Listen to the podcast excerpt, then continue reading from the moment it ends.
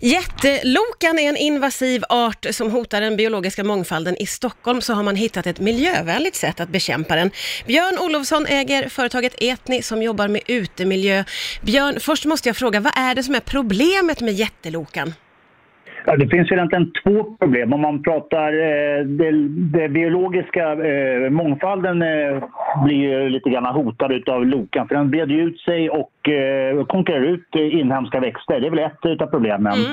Ett annat problem är ju då eh, den eh, så att säga, vätskan i den, saften i den som då är giftig och eh, då kan ja, ge frätande skador på eh, människor i, sam- i kombination med solljus. Ja, just det. Och hur sprider den sig? För den sprider sig väldigt mycket vad jag förstår.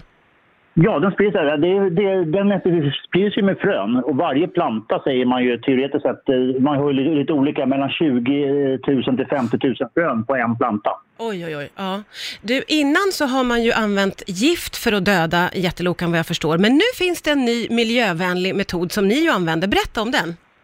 Ja, vi använder eh, hetvatten eh, som vi då eh, bekämpar med och då är det nästan 100 grader vatten som vi då använder för att där vi går in i själva roten och tillväxtpunkten på eh, jättelokan. Ja.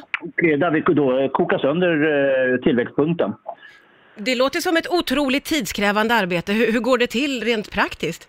Ja, det är tidskrävande. Det beror på hur stora de är. Är det väldigt mycket fröplantor är lätta, då kan man ju bara ytbehandla. Då går det rätt bra. Men annars kommer man in i varje planta för planta och då tar det ju mellan eh, 5-10 sekunder per planta. Fördelen är att du dödar av den, den plantan du behandlat dör ju. Använder du gift är inte så bra för miljön, Nej. vilket många kommuner och det har förbjudit också. Och det alternativet eh, nummer två och tre är ju att gräva upp dem. De Ja. tar ju också sin tid.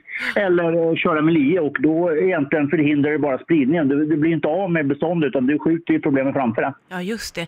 Men du, det låter ju väldigt smart med det här hetvattnet. Kan man använda det, den här metoden på andra invasiva arter också? Absolut. Eh, Det, är bara att man får, det beror på hur de är uppbyggda, hur man behandlar. Så att vi bekämpar även parkslid, eh, lupiner, eh, jättebalsamin med flera. Ja, okej. Eh, och, och, och, blir det här ett sätt då att kunna få bukt med jättelokan?